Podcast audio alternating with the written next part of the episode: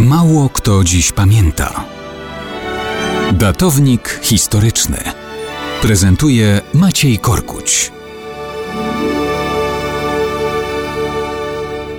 Mało kto dziś pamięta, że 23 lutego 532 roku rozpoczęto budowę ogromnej świątyni w Konstantynopolu. Dzisiaj Konstantynopol to Istanbul, a świątynia ponownie jest meczetem po ponad 80-letniej przerwie, kiedy była świeckim muzeum. Hagia Sofia, świątynia mądrości Bożej, niemal przez pół tysiąca lat była świątynią muzułmańską od czasu zajęcia Konstantynopola przez osmańskich Turków. Długo?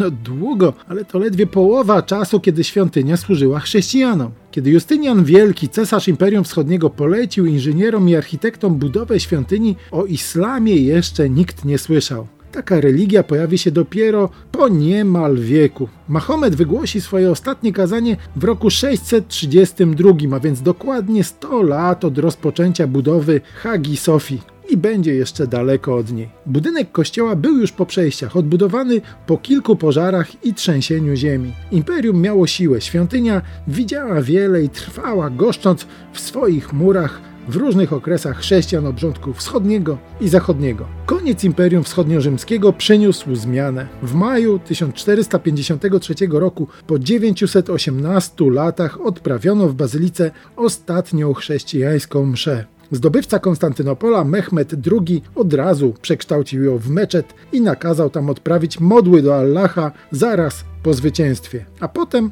myk myk i upłynęło kolejnych 481 lat, kiedy świątynia była centralnym punktem osmańskiej stolicy. Turecki modernizator państwa Atatürk w 1934 roku doprowadził do przekształcenia Hagi Sofii w świeckie muzeum, ale jego dekret 2,5 roku temu unieważniono i Hagia Sofia znowu dzisiaj jest po prostu meczetem. Czym będzie za następne półtora tysiąca lat? Hm, kto wie, kto wie.